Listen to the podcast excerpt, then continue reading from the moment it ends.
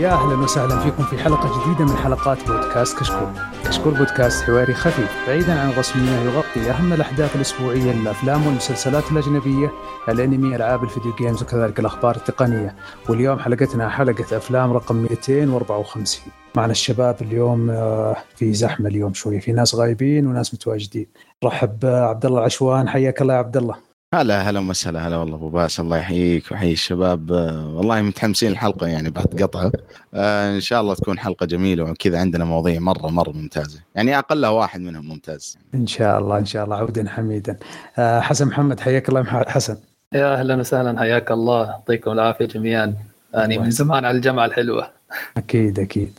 آه ركان القرني كيف حالك يا ركان؟ يا هلا وسهلا. الله يحييك. إن شاء الله تكون حلقة جميلة. بإذن الله. طبعا خالد زرعوني آه، اليوم مسجل غياب باقي نوري شغله. فجبنا خالد آه، العجلان من كشكول مسلسلات. هو صديق قديم للكشكول أفلام. فحياك الله يا خالد. الله يحييك يا هلا والله. أنا خالد بعدين اتكلم معه. أصلا أي واحد اسمه خالد فنان. الله عليك. محدثكم خالد عسيري أبو باسل. طبعا منقطعين عنكم الفترة الماضية وكنا حريصين نسجل معكم هذه الحلقة وإن شاء الله تكون حلقة طيبة وجميلة جدا.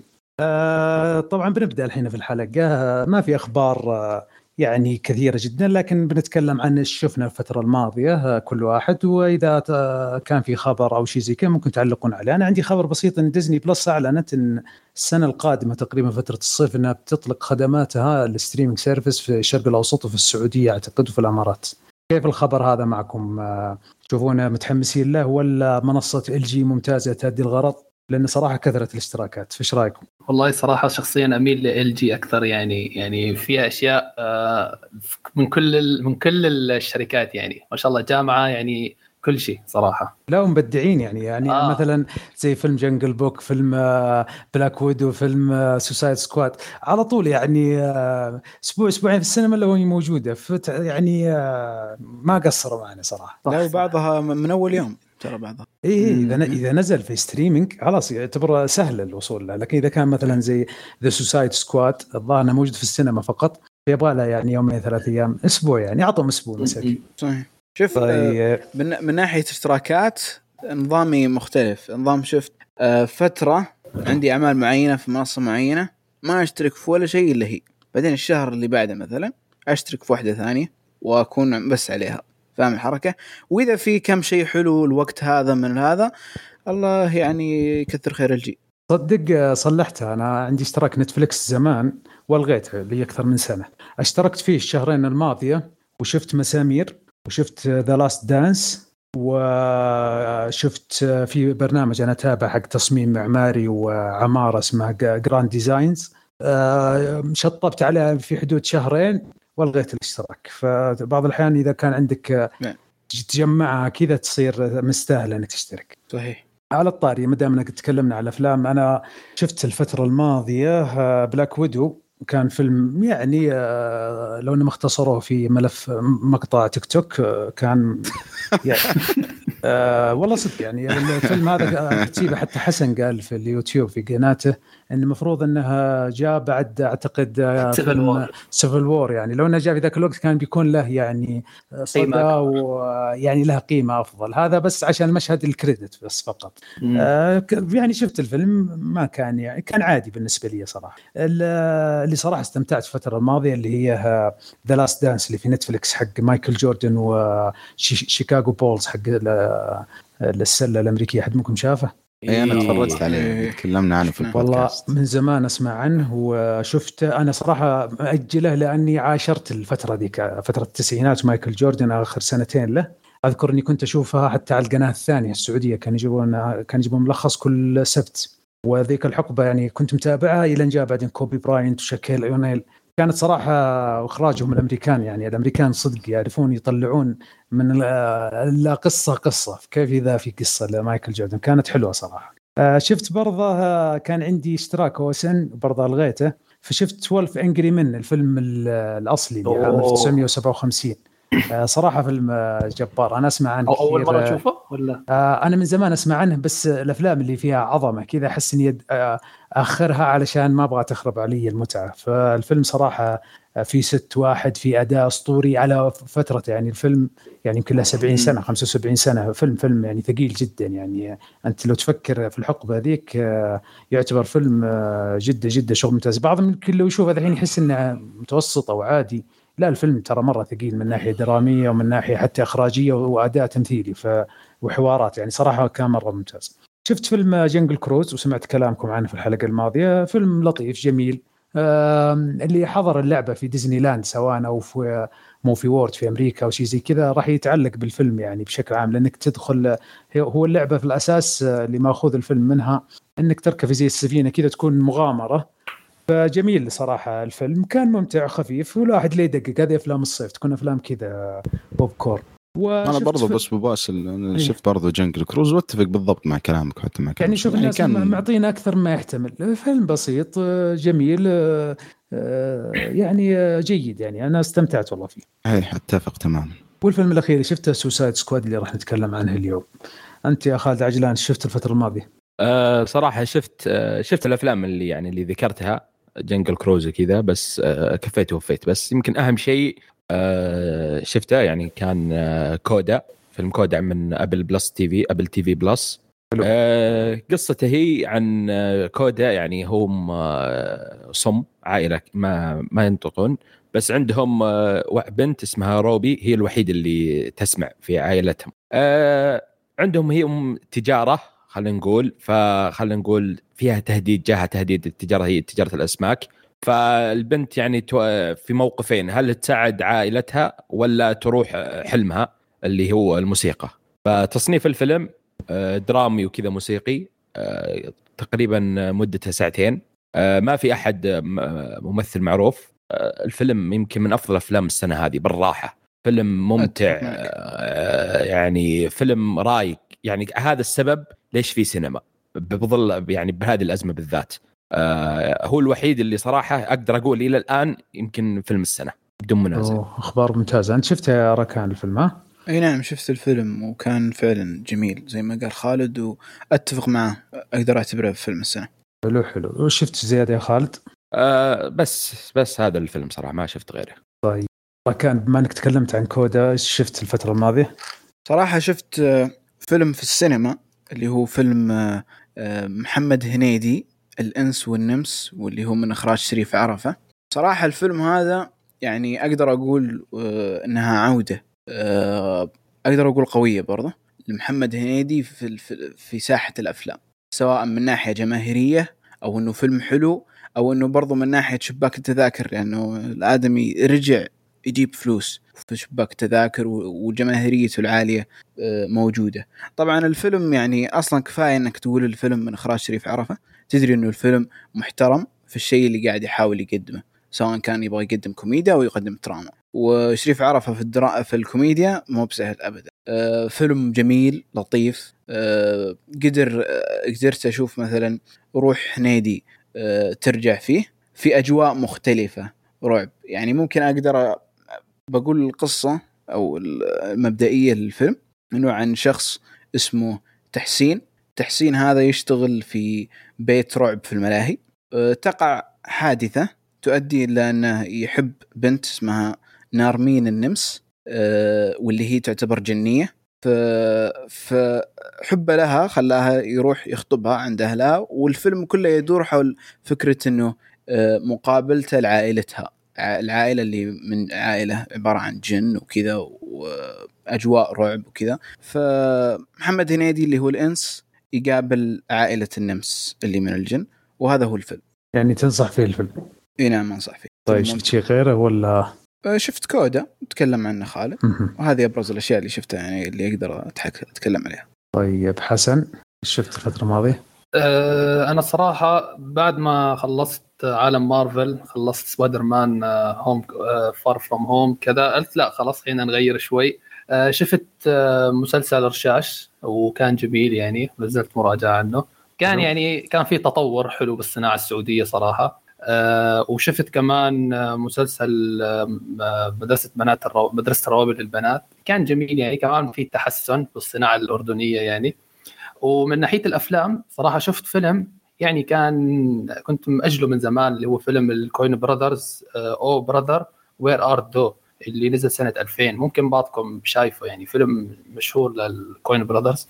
فقصة الفيلم باختصار عن ثلاث مساجين بيهربوا من من سجن الأعمال الشاقة على أساس شو؟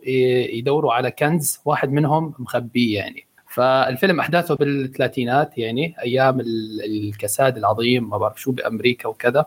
ففيلم غالبا طابعه موسيقي وراح يخليك تضحك في مشاهد بأغلب مشاهده يعني. في شخصيات هيك تصرفاتها يعني شوي بسيطة لدرجة الغباء يعني. ففيلم حلو يعني بسيط كوميدي لا أتوقع شيء ثقيل أو قوي. لا فيلم حلو يعني يمشي الليلة. وحتى مشاهد الغنائية اللي فيه أنا عجبتني يعني. في أغنية صراحة حملتها من كثر ما عجبتني يعني. فحلو الفيلم ممكن يعني تشوفوه كذا بالليل كذا.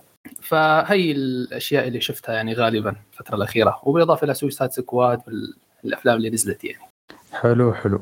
قد خلصنا منك عبد الله صح؟ لا لا أنا عندي شيء بسيط يعني ما راح أطول. روح. والله يعني باستثناء الأغلب الأشياء اللي يمكن تكلمتوا عنها. تفرجت برضو Suicide Squad وكذا. قلت خليني أتفرج على فيلم ثاني معاه في السينما. وتفرجت على Free Guy الفيلم اللي من بطولة راين رينولدز وكان له فترة صراحة يعني كذا تفرجت على ال trailer أكثر من مرة. وكان يبدو إنه شيء مثير للاهتمام يعني. وفيلم صيف في النهاية. فيلم بوب كورن ففكرة الفيلم بكل بساطة إنه عن شخصية رين رينولدز أو non-playing character يعني شخصية يتحكم الكمبيوتر في لعبة معينة.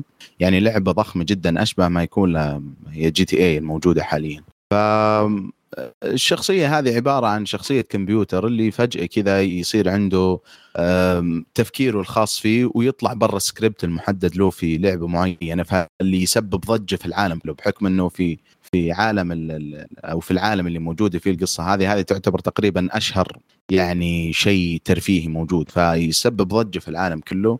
وتصير له مجموعة أحداث يعني فيها المفترض إنه يكون اكشن لكن للأسف تجربتي مع الفيلم ما كانت مرة ممتازة الصراحة لأنه توقعت الفيلم يكون مليان اكشن بحكم إنه هو عن لعبة اكشن أصلا المفروض تكون فيه مشاهد كثيرة لكن كانت مشاهد الاكشن اللي فيه بسيطة جدا. وكان الفيلم يركز على أشياء المفترض قصة فيلم جاي بالشكل هذا ما تركز عليه. يعني كان مركز مثلا على الجانب المظلم مثلا صناعة الألعاب من الاستغلال وحلب الشركات للعناوين الكبيرة ال IPs وكذا. فتجربة الفيلم بشكل عام الصراحة ما كانت مرضية وما أنصح فيه الحقيقة. وشو اللي بعده تقريبا هو Suicide Squad اللي راح نتكلم عنه بعد يعني بعد شوي بإذن الله. هو لسه اللي الحين في السينما اي هو تقريبا نازل قبل كم يوم يعني ما ما تأخر الفيلم. والله كنت متحمس له يعني أنت خربت علينا يعني حسيت إنه كذا بيكون حلو فيلم صيف ممتع كوميدي. والله شوف هو, هو الفيلم في أشياء جيدة يعني فاحنا في النهاية ما أتكلم عن ال review في أشياء جيدة لكن تمنيت إنه الفيلم يعني يكون جاي بالطابع حقه. يعني تمنيت إنه يكون فعلا مليان اكشن لأن مشاهد الاكشن أنا مشكلتي مع الفيلم ما كانت إنه مثلا تنفيذ الاكشن فيه سيء أو أو إنه ركز على أشياء مثلا كانت قصص سخيفة أو لا. بالعكس الاكشن في الفيلم كان جدا جدا ممتاز لكن مشكلتي معه كان قليل. وكان الفيلم يعني بالغصب يبغى يركز على على العالم الخارجي خارج اللعبة اللي موجودة فيه هذه القصة. فيعني إنه تخيل مثلا جومانجي تمام؟ ويكون المحور الرئيسي للقصة هو العالم الموجود خارج لعبة جومانجي. ما تحسها منطقية ابدا. هذه صراحة كانت مشكلتي مع الفيلم لكن هو بتجربة يعني بشكل عام ممكن تستمتع فيه صراحة. كانت يعني ولإحقاق الحق كانت فيه كذا الأسلوب طرح قصة حب يعني فكرته ممتازة. يعني الأشياء الرومانسية وكذا أنا ما تجذبني بشكل عام لكن الأسلوب اللي طرحوا فيه القصة كان جدا ممتاز. لكن باستثناء هذا صراحة ما كان ما كان فيه يستحق يعني شيء ابدا يستحق الذكر. طيب انت تنصح سينما ولا ال G؟ والله أنا أتوقع السينما الفترة هذه عندنا لحد ما تنزل بعض الأفلام زي Green Knight و Don't Breathe 2 أتوقع ما في شيء باستثناء Suicide Squad وهذا الفيلم. أعطيه فرصة صراحة أنا شخصيا ما أنصح فيه لكن ترى أنا شفت ناس واجد عجبهم الفيلم. برضو تقييم الفيلم نسبيا مرتفع يعني على فيلم من النوع هذا. ف وترى هو تقريبا في النهاية شفت أغلب التجارب اللي اللي شخصيات راين رينولدز تعطيك اياها زي Deadpool زي ما أدري زي زي مثلا The Hitman's Bodyguard هي تقريبا ترى نفس الشخصية. هو راين رينولدز مسك الشخصية هذه وحلبها بشكل مو طبيعي واللي أنا أعتبره شيء كويس لأنه ضابطه معه. يعني زي حركة اللمبي.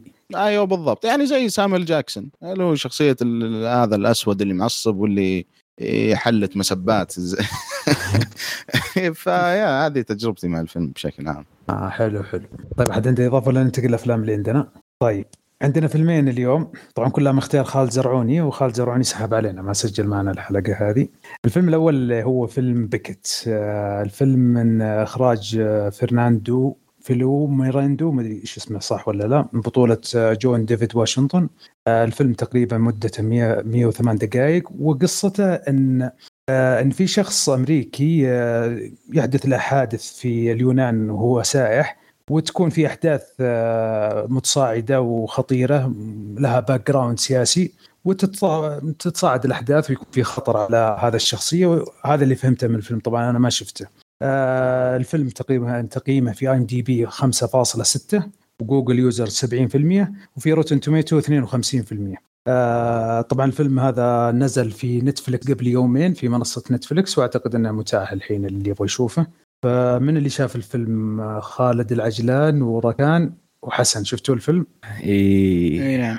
أول شيء لا نعم. تتكلمون عن الفيلم تكلموا عن اللي اختار الفيلم أول حاجة. تفضل. خالد الله يهديه. يعني نكبنا وراح يا خالد العجلان كيف الفيلم؟ آه شوف آه أنا ما أبي أحكم يعني يوم شفت الفيلم آه في ام دي بي ما قلت يعني ما أبي أحكم عليه حكم يعني تقييم خمسة ممكن آه يعني أشياء كثيرة ترجع كذا خلني أتابع. القصة يمكن عادية ما في شيء جديد. خاصة ممكن تحب أنت دنزل واشنطن يعني هذا الشبل من ذاك الأسد يعني ما نعم فيها كلام نعم. نعم. إيه. فقلت ممكن في ترقيعه عرفت يعني شيء يخليني أتحمس في الفيلم كامل من أول دقيقة لنهاية دقيقة صراحة ما في شيء أنا أتوقع أن الولد يعني راض... أه- أه- أه- أبوه وأمه مو راضين عليه يعني داعين عليه ولا شيء سوء الاختيارات الفترة الأخيرة لأفلامه يعني صراحة شيء سيء لأن حتى المخرج والكاتب ما ما ما في أعمال لهم سابقة يعني تشفع لهم وهنا مثلا نقول إنهم كانوا سيئين ما توفقوا ولا كذا. كلهم جدد يعني. ما في بالنسبة لي أي شيء إيجابي في الفيلم. لو أقول شيء إيجابي بس اللي هو شو اسمه جون ديفيد واشنطن صراحة يعني كحضور للشاشة. غير كذا القصة عادية آه، أحداث متوقعة آه، ما في شيء جديد. تحسه كذا فيلم آه، خلينا نقول لو إنه مستقل يمكن أفضل ما أدري على نتفلكس وشيء زي كذا يعني مرة سيء يعني ما في شيء إيجابي أقدر أقول والله تمثيل سيء بس والله القصة حلوة والله الأكشن كان ممتاز ما في شيء شيء عادي يعني. لو أقول لك تبي فيلم عادي تابع هذا شيء basic خلينا نقول ما ما في شيء جديد. اي يعني ما في شيء. يعني يعني ما في إيجابيات لأن نبغاك تتكلم عن الإيجابيات. أول بعدين السلبيات. يعني ما, ما في إيجابيات. يعني كأنها أكلة بدون طعم. أيوه. الإيجابيات جون ديفيد واشنطن إنه موجود بالفيلم. بس غير كذا ما في شيء. والله يعني شوف ما أنا ما في أحد.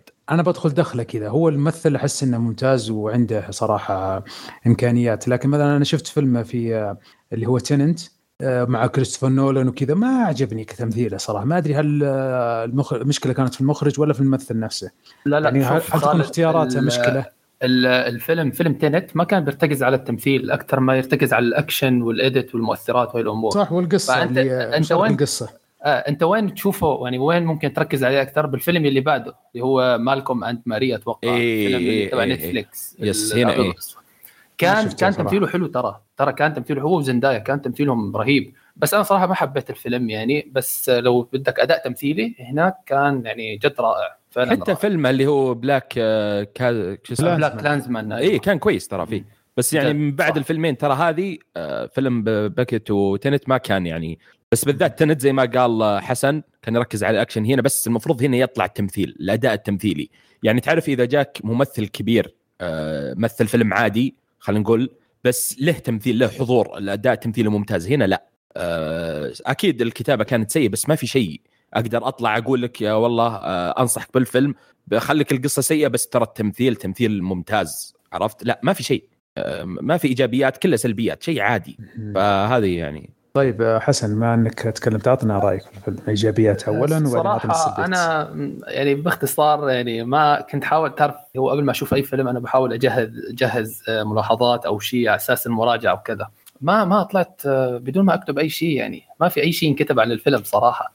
يعني ممكن آه، مثل ما حكى خالد تمثيل جون آه، جون ديفيد واشنطن هو اللي كان يعني الشيء المؤثر أو الشيء اللي لفت نظري بالفيلم. بس عدا هيك كان ممل بأول عشر دقائق يعني كانت مملة بشكل مو طبيعي. يعني كيف آه، يعني لولا الشيء اللي صار بعد العشر دقائق هاي أنا كنت سحبت على الفيلم وجيتكم بدون ما أشوف الصراحه بس بعدين إنه ممكن أوكي آه موضوع المطاردة وهالأمور هاي. يعني خلاني خلاني أكمل الفيلم. بس يعني يعني تحس إني مغصوب وأنا بتابعه. هاي الفكرة يعني بس. فما في غير إنه التمثيل هو اللي كان آه، البارز أكثر شيء يعني. بس حتى من جانب جون ديفيد بس. طيب اعطنا رأيك يا ركب أه، صراحة أنا دخلت الفيلم يعني بديت أتابعه وأنا ما أعرف ولا شيء عن الفيلم. صفر. ما أعرف لا التقييم ولا شيء ما أعرف إلا إنه البطل جون ديفيد واشنطن. عموما في بداية الفيلم صراحة حسيت إنه قاعد يجهز لشيء قوي. فلذلك ما ما ما رأيت بداية الفيلم من ناحية سلبية. لأنها كانت مملة ولكن ما كانت يعني نقدر نقول فيها سوء. السيء الوحيد فيها إنها مملة بس. ولكن بدأ يحمسنا بعدين ويعطينا شعور آه، بالفضول إنه أوه وش السالفة؟ وش قاعد يصير؟ هذا من وهذا من وهذا وش هدفه؟ وبدأ يحسسنا بشعور خطر. هنا المت... بدأت المتعة اللحظية. بعدين تختفي هذه. ولا تشوفها طول الفيلم. يعني النص الأول كان مثير للاهتمام شوي. وكان في سلبيات واجد. ولكن في النص الثاني أعدم كل شيء. كل شيء سواه صح في النص الأول خربه في النص الثاني. اتفق. وفي السلبيات يعني نبحر في الموضوع حتى أضيف على نقطة كركان حتى زي ما قلت يعني كان ما ما شرح الأشياء اللي موجودة يعني صح أعطاك شيء عادي بعدين جاب بيشدك ولا بيعطيك شيء وكنت تتحمس معه شوي وبعدين فقدت هذا الحماس. في أشياء ما شرحها يعني على الأقل لو شرحت ممكن خلينا نقول أدخل معك جو أقدر أتكلم شوي. في الشرح ما, ما في شيء. يعني غامض زيادة عن اللزوم. أيوه. وإذا كنت غامض زيادة عن اللزوم لازم تكون نتيجة الغموض أو سبب الغموض يكون قوي. يس ف... فهذا الشيء ما ما كان موجود. ما كان موجود فعلا. في سلبيات عندك يا ركان؟ أه، باقي ما قلت سلبياتي. يلا روح. أه صراحة الفيلم أه يعني أكبر شيء ممكن نقول شعور فيه هو الملل كون إنك ما أنت مستمتع أغلب الفيلم. أه نبدأ بالنص الثاني اللي خرب كل شيء. بدا تصير فيه أحداث غريبة ما مهمة. برضو أه نتيجة الفضول اللي جاك في البداية كان عبارة عن شيء جدا سخيف. ما هو مثير للاهتمام ولا هو بقصة جذابة. يعني ما في شيء يشدك صراحة. الفيلم يخرب كل ما لا أكثر وأكثر. وفي الربع الأخير في الفيلم يعني اللي هو كان أسوأ شيء في الفيلم بدأ الفيلم يضحكني شوي. الفيلم قلب كوميدي. يعني زي نفس نظام The Room تعرف من كثر الفشل اللي في الربع الأخير بديت أضحك. لأنه في أكشن غبي. slow slow motion في أماكن غبية. أه برضو جون ديفيد واشنطن ما كان سيء ولكن حسيت إنه أه إنه مبالغ فيه زيادة عن اللزوم شوي في النهاية. حسيت إنه مبالغ فيه. ما كان يعني المفروض يطلع كل ذا التمثيل في, في, في الربع الأخير أو شيء زي كذا. حسيت إنه يعني over نقدر نقول. أه برضو غير إنه الفيلم يعني غير جزئية الملل وإنه كل ماله قاعد يخرب. يعني الفيلم يعني ما أقدر أقول إنه فيلم كارثي أو إنه من ناحية معينة أقدر أقول هذا إنه أسوأ فيلم من الناحية الفلانية. إنه يعني أسوأ فيلم من ناحية التمثيل أو أسوأ فيلم من ناحية الاخراج ما أقدر أقول كذا. وهذا الشيء الغريب اللي في الفيلم لأنه في العادة الفيلم يكون واضح من هذه الناحية. بس لا الفيلم هذا بس يعني تقدر نقول جمع كل السلبيات البسيطة الموجودة في كل أفلام الحياة وحطها في فيلم واحد. سواء كان ملل آه، كتابة سيئة آه، يعني اكشن سخيف آه، تمثيل بارد من أغلب الشخصيات. آه، فيعني هذا الطابع اللي كان ياخذ الفيلم. وبس هذه السلبيات اللي عندي. حلو حلو. طيب نجي على مقياس كشكول. من اللي ينصح بالفيلم واللي ما ينصح؟ خالد وحسن وركان. أتوقع واضحه يا أبو باسل يعني. أبغى اسمعها منكم أبغى اسمعها منكم عشان ما أنصح ما أنصح يعني بقوه طب سمعت يا خالد زرعوني هذا هذا اختيارك؟ صفر. مكعب. من ثلاثة. فالحمد لله إني ما شفت الفيلم ولا كان سمعت كلام مو كويس. طيب خلصنا من الفيلم الأول. Beckett اللي ما ننصح فيه اللي نزل في Netflix ننتقل على فيلم الحلقة. فيلمنا ال main topic للحلقه هذه اللي هو The Suicide Squad ركزوا The Suicide Squad يعني هذه فرقة الإعدام أو فرقة الانتحار الأصلية لأن في جزء أول DC نزلته وكان أبو كلب من جد فهذا يعتبر كانه الجزء الثاني أو كانه جزء مستقل. طبعا الفيلم نزل في السينما تقريبا يمكن له تقريبا شهر. آه مدة الفيلم ساعتين تقريبا عشر دقائق. وهو عبارة عن قصة من آه في أمريكا أبطال خارقين يكونون آه، طبعا مجرمين موجودين في السجون. تكونهم تكون منهم الحكومة الأمريكية فرقة انتحارية عشان يقومون بمهمة في خارج أمريكا والمهمة هذه سرية. طبعا الفيلم يأتي بطابع أكشن superheroes آه، كوميدي آه، الفيلم من إخراج جيمس غان وكتابته كذلك. آه، طبعا تقييماته في Rotten Tomatoes طبعا تقييماته عالية جدا 91% في Rotten Tomatoes و IMDb 7.5 في IMDb وفي Google user تقريبا 87 زي ما قلنا الفيلم من إخراج جيمس غان وكتابته. الأبطال في هذا الفيلم اللي هم جون سينا إدريس ألبا مارغوت روبي سيلفستر ستالون وفي بعض الأبطال الثانية اسمائهم كثير يعني مثل زي ابن عرس. هذا بطل في الفيلم برضه. فتقريبا هذه المعلومات عن الفيلم. طبعا آه، معلومة مالية عن الفيلم. تقريبا ميزانيته 185 مليون.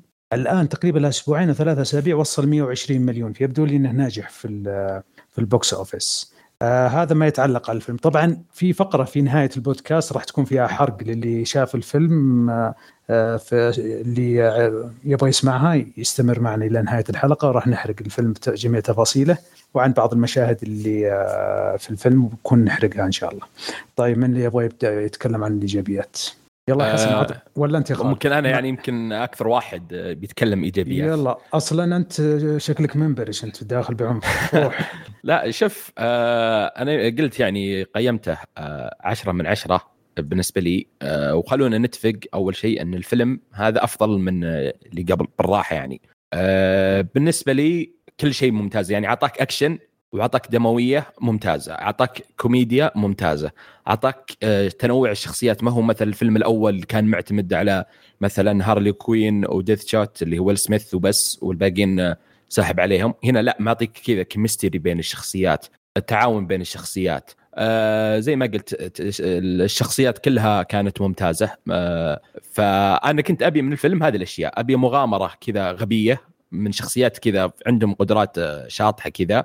وأبي كوميديا وأبي أكشن الفيلم كفى ووفى بالنسبة لي. أنا داخل أبي الفيلم يعطيني هذه النقاط. وعطاني بعد دموية ممتازة. يمكن لو ما في الدموية يمكن كان أقل من المتوقع زي الفيلم الأول. فهنا لا أعطاك جميع المتطلبات من الفيلم اللي هو خل... آه، آه، أشرار superheroes راح ينقذون العالم. هذه الفكرة لحالها شيء شيء غريب آه، يعني كغير ال superheroes اللي نشوفها في الأفلام. فبالنسبة لي هو كفى جميع الشروط.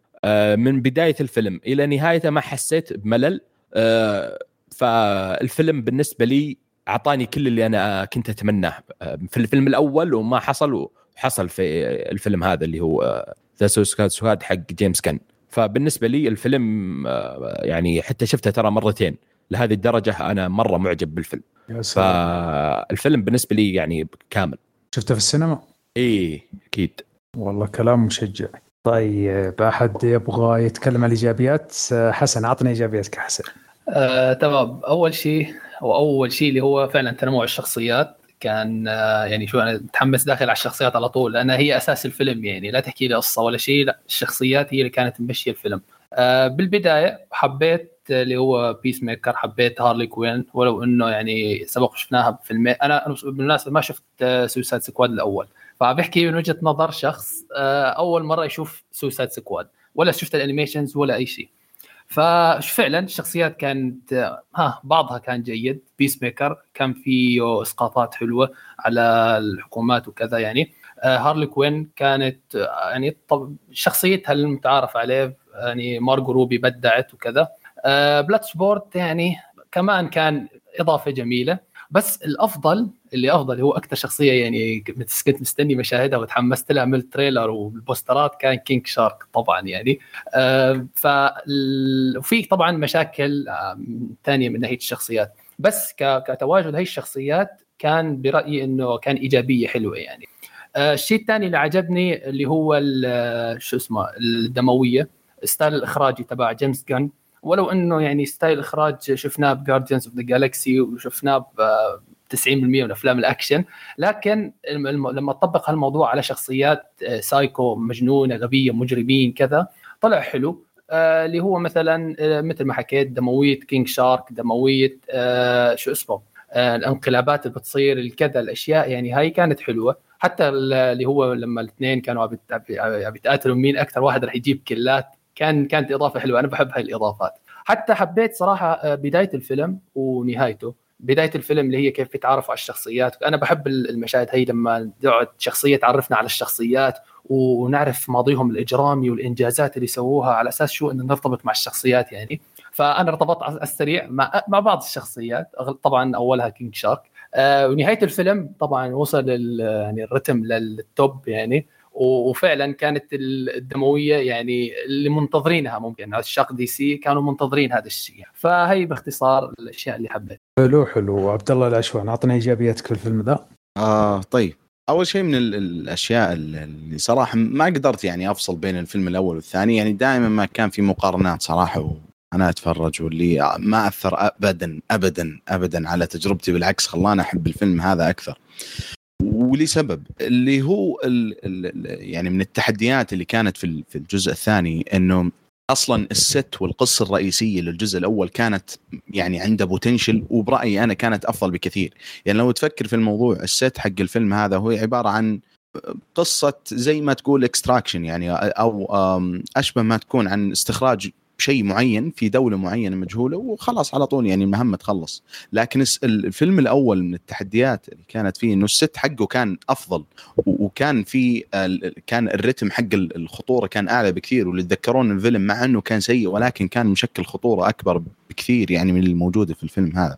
حتى الفيلم الأول كانت فيه شخصيات مثيرة للاهتمام أكثر. يعني أنا مع حبي للشخصيات اللي موجودة في الفيلم هذا لكن أغلبهم ما قد شفتهم وسمعت عنهم باستثناء الفيلم هذا. يعني زي بيس ميكر زي سبورتس شات أتوقع شخصية تدرس ألبا.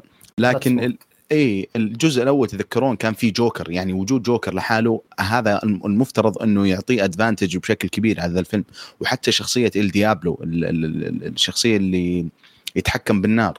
لكن شوف يعني كيف عظمة جيمس كان هذا الفيلم ميكر العظيم يا أخي. يعني اعطاك قصة بشخصيات قد تكون شبه يعني معدومة الجماهيرية أو إنه الناس ما تعرفهم أصلا وطلع منهم قصة جدا جدا ممتازة. ونفس هذا السبب اللي بالنسبة لي Guardians of the Galaxy واحد من أكثر أفلامي المفضلة من مارفل إما كان أصلا الفيلم المفضل بالنسبة لي. يا أخي تنوع الشخصيات وكيف إنه يبدا لك بالشخصيات وأنت تراهم كأعداء أو أو أو إنه تشوف الشخصيات ما في أي علاقة ممكن تربطهم في بعض. يعني مهما حولوا مهما صار يعني في, في من من أحداث في الفيلم لكن مع هذا برضو ينجح دائما بأنه يسوي ذا الشيء وأنه يخلي الشخصيات بالنسبة لك قد لا يكون بالنسبة لهم إنهم مرتبطين وما يشوفون العلاقة اللي جالسة تتطور بينهم لكن بالنسبة لك أنت كمشاهد جالس تشوفها. وهذا يرجع لكتابة جيمس جان الخرافية. صراحة وحتى تقدر تشوف شيء هذا يعني معليش مين كان يتوقع إنه إنك تشوف جون سينا يطلع بمشاهد كذا ويصير رهيب وفعلا يعطيك شعور إن جون سينا ممثل.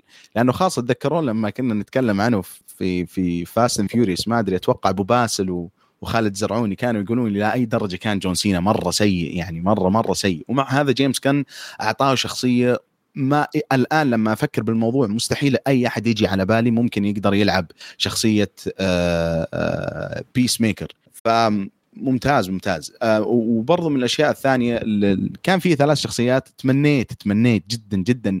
يعني كذا في في خضم الأحداث حقاتهم تمنيت إني أشوف يا أخي كذا بس spin-off فيلم لهم. يعني ال chemistry كان بينهم ممتاز. اللي هي شخصية Peacemaker وشخصية Bloodsport وشخصيه ال Flag الثلاثي هذا يا أخي كان بينهم chemistry مرة ممتاز والمشاهد اللي كانت تركز عليهم كانت مرة ممتازة.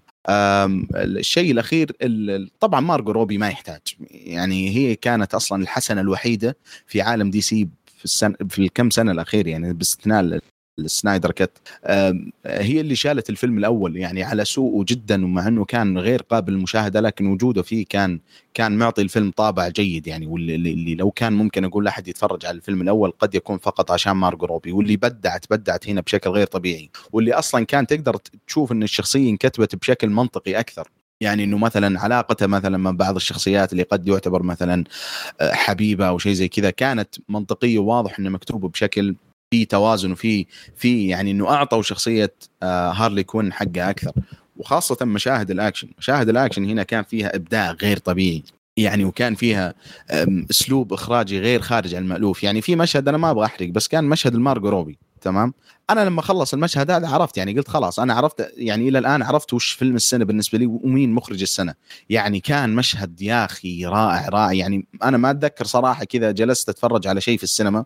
كذا وأنا جالس فاتح فمي ومفهي ما مستحيل أفكر في أي شيء ثاني في الحياة. صراحة الفيلم كان تجربه تجربة جدا خرافية. آه والشخص اللي أبغى أختم فيه طبعا السبب الوحيد اللي اللي يعني قبل ما نسمع عن جيمس جان في هذا الفيلم كان بالنسبة لي صراحة هو هو شعلة الحماس وهو الأمل الوحيد وبصيص الأمل. إدريس ألبا. إدريس ألبا يا أخي مو معقول. يعني صراحة فنان فنان. يعني سواء في مشاهد المشاهد اللي تطلب فعلا تمثيل مشاهد الحوارات حقاته أو حتى مشاهد الأكشن والشخصية مرة راكبة عليه. واضح حتى هذه ترى برضه موجودة في ال trailer فما ما تعتبر حرق.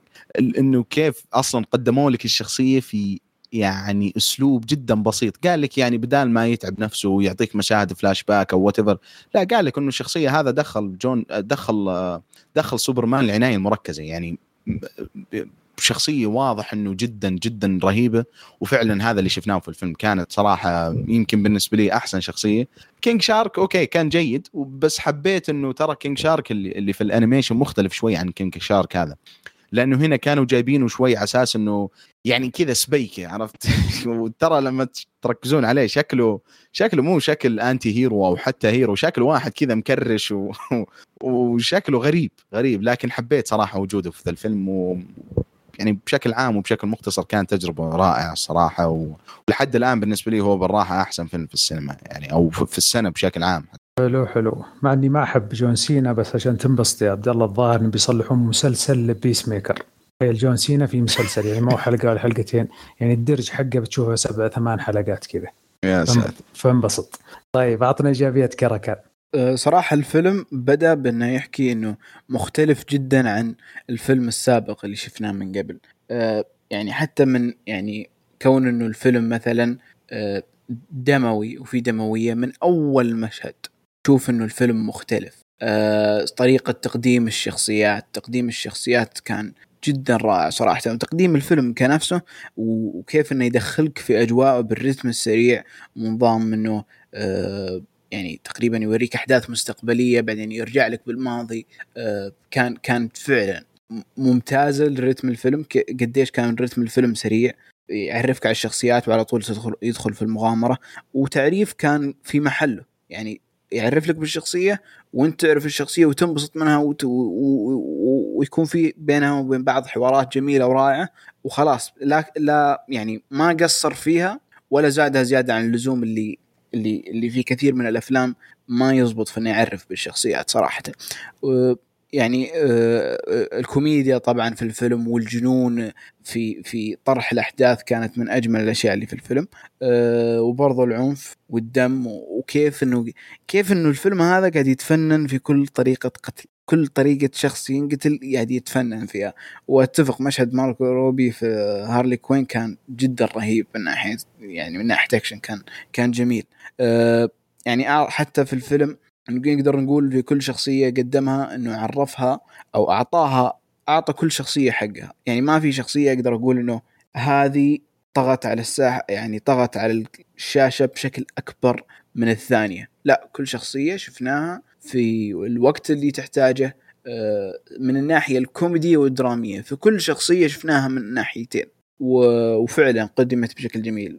فيلم ممتع رائع كوميدي جميل ويعتبر فيلم رائع السنة وجيمس جان ما قصر سوى شغل جميل. طيب نجي للإيجابيات من وجهة نظري. بالنسبة للدي سي يعني صراحة اتخذت قرار مرة ممتاز في إنهم حطوا المخرج جيمس جان طبعا جيمس جان شفنا تجربة جارديانز ذا جالكسي أبدع فيها خاصة في الفيلم اللي يكون متعدد الشخصيات. جيمس جان بطل فيها يعني مع إنه صلح حركة الفترة الأخيرة قاعد ينابش مع مارتن سكورسيزي يقول إن أفلامك أبو كلبية.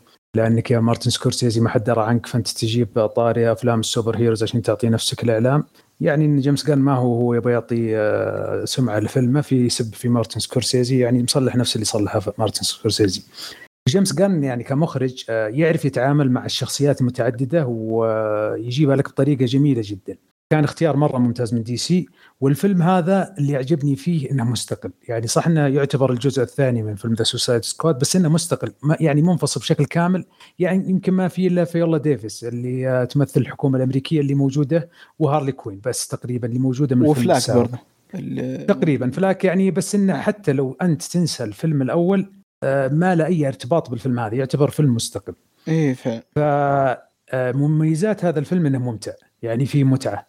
يعني تحس إنك لما تدخل هذا الفيلم إنك تستمتع تشوف فيلم جميل. آه الشخصيات فيه سردها ممتاز. آه ال background حقها ممتاز طريقة الدراما فيها ممتازة.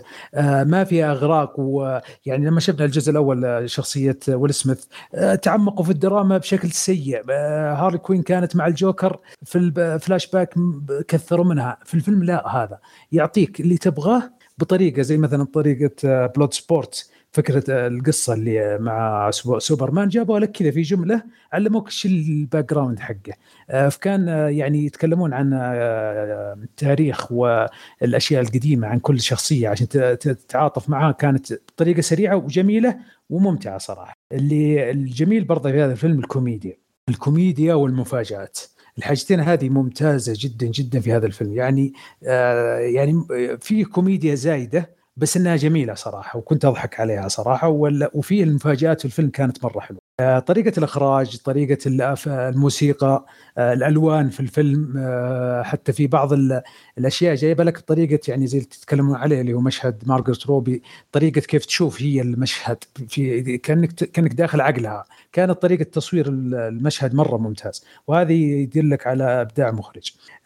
حكاية أن الفيلم R-rated وأنه دموي بشكل مبالغ فيه في ناس يشوفونها سلبية. أنا شفت أنها ممتعة صراحة وكانت جميلة جدا. يعني بالعكس آه، إيش تتوقع من مجرمين آه، سفاحين مسجونين رايحين آه، يعني لازم يكون في دموية بالشكل هذا. بالعكس أنا أحس إنها اضافت للفيلم.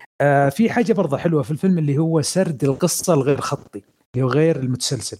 يعني يمشي لك في الفيلم ويرجع لك يشرح لك أو أو في حاجة ما تفهمها تلاقي بعد فترة لها شرح. هذه صراحة كانت مرة ممتازة. فالفيلم استمتعت فيه جميل مع إنه طويل كان لأن الشخصيات متعددة والفكرة ممتازة ومتشعبة.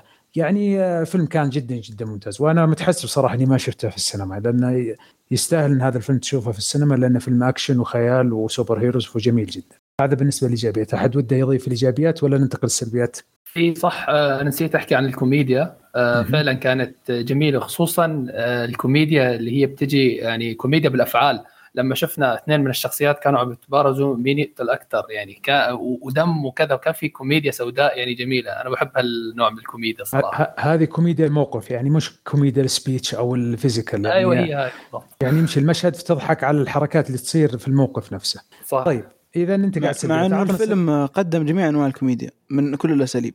صح صح. نكتة صح بس أنا حبيت الكوميديا السوداء والموقف أكثر شيء طبعا برضه يعني. الكوميديا اللفظية كانت مرة سيئة و يعني مش كويسة لفظيا يعني كانت مرة plus 18 بكثير يعني. طيب حسن أعطنا الإيجابيات أعطنا السلبيات اللي عندك. طيب okay أتمنى الكل يعني ياخذ الموضوع قلب كبير يعني. تمام. أهم شيء لا تزعل خالد. اي ترى لا أنا خاص من أول ما بدأ يتكلم في السلبيات أنا هنا زعلت حتى لو ما تكلم. خلاص لا لا بس لا شوف راح أكون أكثر يعني صريح آه، وما راح يعني أبالغ بالمواضيع هاي. بالبداية أول شيء آه، شوف أنا ما شفت الفيلم الأول. على أساس ما أقارن فيه وأحكي إنه القصة مكررة وما جاب شيء جديد ما راح أحكي بهذا الموضوع. أنا بحكي مثلا بشخصية King آه، Shark. واحدة من الشخصيات المهمة والجديدة اللي يعني أتوقع ما طلعت بالفيلم الأول. شخصية جديدة وما سبق صار لها أي فيلم يعني فيلم واقعي تنحط فيه هاي الشخصية. استغلالها كان جدا جدا ضعيف بصراحه okay شفنا لها كم مشهد يعني أو فرحنا وضحكنا. بس يا أخي ما شفت القتال الفعلي ل King Shark. على فكرة شخصية King Shark واحدة من الشخصيات الدموية والشرسة بعالم DC بالكوميكس وبال animation وحتى في في أكثر يعني شفت أنا قرأت أكثر من بوست على إنستغرام بيحكي عن ماضي الشخصية وقصتها. بس المشاهد اللي شفناها صراحة ما أعطت حق الشخصية ابدا. وهو يعني كقرش يعني المفروض نشوفه بالمي مثلا بيقاتل بالمي. ما بعرف ما شفنا. يعني في كان في حوض مي أنا توقعت ينزل ويضرب وكذا ولا ولا شيء يعني على السريع هيك. لا وصار شيء أغبى يعني. أتوقع إنكم تعرفوه يعني اللي صار بعدين. فهي واحدة من النقاط اللي ما اللي حسيت جيمس جان ما استغلها بشكل مناسب يعني. تمام؟ في شيء ثاني هو شخصية هي ال Ratcatcher يعني. يعني ما يعني ما بعرف أنا صراحة يعني يعني DC بحر شخصيات. يا يعني يا جيمس جان يعني ما لقيت غير هاي الشخصية. هو والشخصية الثانية هذاك اللي بيطلق ما بعرف شو اللي عنده مشكلة مع أمه. يعني شخصيتين ما ما مو راكبين على جو العصابة الإجرامية اللي كلهم بيسفحوا ما بعرف يعني. فهي شخصيتين أنا ممكن أنا ما عجبتني شخصيا ممكن أنت تعجبكم عادي ما في أي مشاكل. تمام؟ بالنسبة للدراما الدراما شفتها يعني مقحمة بشكل غريب جدا يعني في نص الفيلم آه رايحين على ما بعرف وين على أكبر يعني مكان ممكن يموتوا فيه كلهم. والله أنا عندي كان ماضي مع لا ليش هيك؟ شو شو الإقحام هذا يا أخي؟ في طرق أفضل. أنت كمخرج ابتكر طرق أفضل تحط الدراما أو ليش تحط دراما أصلا؟ فيلم فيلم superheroes فيلم أكشن ما ما كان فيلم دموي و R-rated وكذا ما كان في داعي تضيف لي الدراما بهذا الشكل. إذا ضفتها بها إذا ضفت الدراما إذا كان عندك في دراما okay ممكن تنضاف ضيفها بشكل أفضل من هذا الشكل. فحتى حتى مشهد المشهد اللي كان فيه الدراما أنا صراحة يعني مليت. يعني كان في ملل. يعني تخيل أنت كأنك مثلا عم بتشوف آه، مباراة نهائي نهائي Champions League وفجاه تنقطع الكهرباء عليك. وبعدها ترجع في آخر الوقت الإضافي. فهذا المثال ممكن يعني مثل حالتي فعليا بهذاك الوقت. وبس هي الأشياء السلبية اللي كانت عندي. إن شاء الله ما أتذكر شيء على السريع. طيب يلا خالد اعطنا السلبيات اللي عندك. آه بالنسبة لي شوف أنا أتفهم آه سلبيات آه حسن وباقي الشباب إذا عندهم سلبيات. بس أنا ما ما عندي سلبيات صراحة. يعني آه متفهم في بعض الشخصيات مثلا خذت آه أكبر من بعضها. يعني مثلا في مقابلة سمعت الجيمس جن انه ورن براذر يعني طلبوا منه وهو بطريقة كلامه إنهم ما هو آمر زي اللي يفضل إنك تحط آه، تجيب مارجو روبي من الفيلم آه، يعني الأول وتحطها هنا. فعشان كذا هو يعني كثر المشاهد آه، حقتها في الفيلم. يعني لو تلاحظ يمكن هي أكثر شخصية اخذت لقطات في الفيلم بس أنا بالنسبة لي ما أشوفها يعني سلبية. حتى النقاط اللي قالها حسن King Shark وحقه آه، الفيران Ratcatcher ما ما بالنسبة لي ما ما كانوا يعني سلبيات. هذه ميزة الفرقة كلها متنوعة يعني أشياء غبية شخصيات غبية. آه، ممكن يعني أتفهم نقطة الدراما اللي كانت بالنص الفيلم بس ما ما أشوفها يعني آه، سلبية. ففي النهاية أنا الفيلم ما عندي سلبية له آه، بالذات ما عندي سلبيات له. فيما يخص جيمس جان يوم قلت على الشخصيات جيمس جان كان تصوره للفيلم انه يجيب شخصيات جديدة ما لها background عند الجمهور ولا يعرفونها. فالمنتجين قالوا له إيش رأيك في هارلي كوين تجيبها وزي كذا كخيار عندك ما إحنا نجبرك. فهو درس الوضع قال خلاص دخلها بطلب من المنتجين وكان هو مقتنع وأعطاها بعض المشاهد. مفصلية في الفيلم ولا هو في البداية ما كان يبغاها موجودة لكن كانت إضافتها ممتازة لأنه لو ما كان أحلى قرار والله إيه أحلى قرار في الفيلم كامل الصراحة يعني. اي واضح إنك مغرز يا عبد الله أعطنا السلبيات.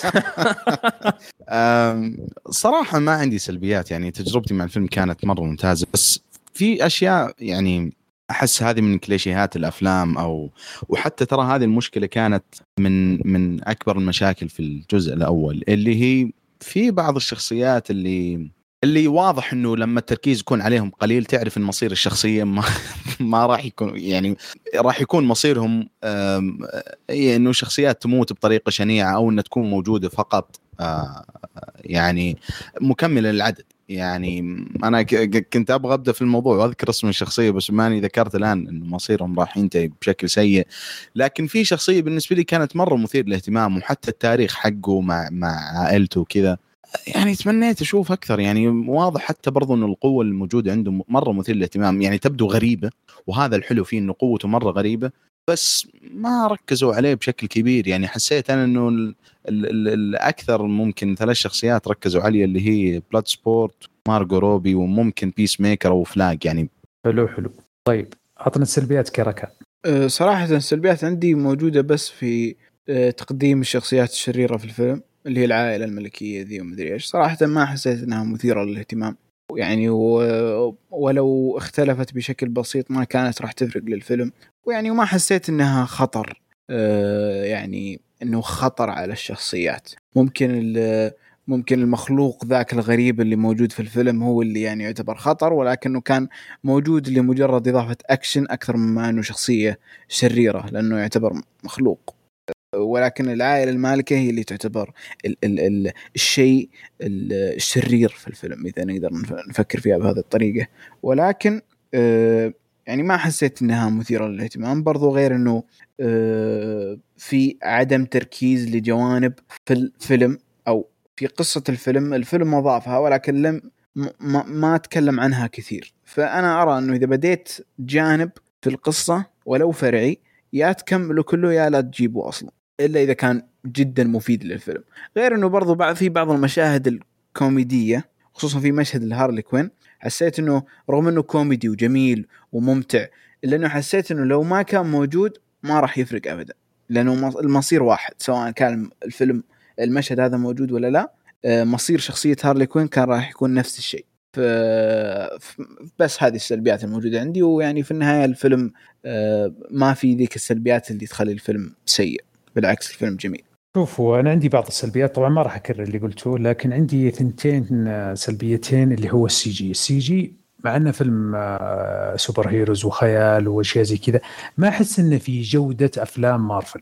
يعني أحس إن ال CG كان جيد متوسط بس ما كان perfect يعني في فترات كثيرة في الفيلم تحس بضعف ال CGI وبرضه لاحظت هذا الملاحظة في فيلم Jungle Cruise حق The Rock فما أدري إيش المشكلة في أفلام ال CGI المفروض إنها تكون يعني الحين إحنا في عام 2021 المفروض إن ما زي الأفلام هذه ميزانياتها ضخمة تكون ال CGI فيها مرة ممتاز لأن في بعض المشاهد الحركية والتفجيرات والأشياء ذي تحس إنها ما هي مضبوط محبوكة صح؟ يعني آه، حتى أفلام فيلم Black Widow في برضه الأشكالية هذه. ال CGI مرة ما أقول لك سيء لكنه متوسط. ما تحس الإبداع اللي شفناه في Endgame أو شيء زي كذا اللي في آه، مارفل هذه السلبية الأولى. السلبية الثانية اللي لاحظتها في هذا الفيلم إنه لما انتهى ماني متعلق بأي شخصية. يعني الفيلم ممتع جميل استمتعت فيه بس ما هو wow. آه، أفكر في الشخصيات أفكر إيش صار فيها. بمجرد انتهى الفيلم أحس إن الفيلم يعني زي ما تقول أنسحب من دماغي. يعني حتى الأغاني اللي في الفيلم مرة جميلة في لحظة الفيلم لكن ما أتذكرها الآن. ما أدري هل علشان الفيلم مستقل والشخصيات ما نعرف background حقها وما تعاطفنا معها بشكل قوي آه، إن هذا أعطاني هذا الشعور لكن هذا اللي أنا حسيت بأن الفيلم بمجرد انتهائه تحس انها فيلم جميل رائع استمتعت فيه بس أنتهى. يعني لو حتى ما تكلمنا عنه في هذه الحلقة يمكن حتى ما أجيب طاريه يعني. فهذه تعتبر سلبية يعني. مع إن الفيلم ترى متعدد الشخصيات في شخصيات كثيرة جدا جدا جدا يعني بتتفاجئ إذا شفت الفيلم. هذا بالنسبة للسلبيات في آه، من وجهة نظري. أحد يبغى يضيف سلبيات ولا ننتقل للأسئلة المعتادة؟ آه، عندي سؤال لك آه، سؤال سريع لو باسل. هلا لو مثلا HBO Max قررت أو Warner Brothers قررت تسوي جزء ثاني ل Suicide Squad راح تتحمس ولا لا؟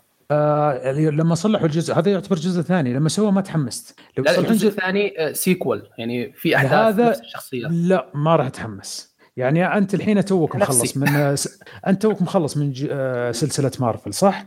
امم لما أيوة. يجيبوا لك مشهد ال credit ما هو تتشوق تقعد سنة كاملة متشوق؟ أكيد. لكن لما شفت ال credit اللي في Suicide Squad حد ما راح نحرق بنتكلم فيه في الحلقة بعد شوي. ما أنا ما ما ما ماني مرتبط في الفيلم الجاي أو المسلسل الجاي.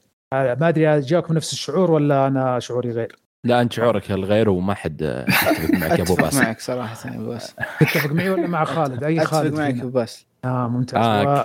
وأنت يا عبد الله شلون؟ والله هو المشهدين كان في اثنين. المشهد الأول أنا تمنيت صراحة إنه يعني ما ما أدري.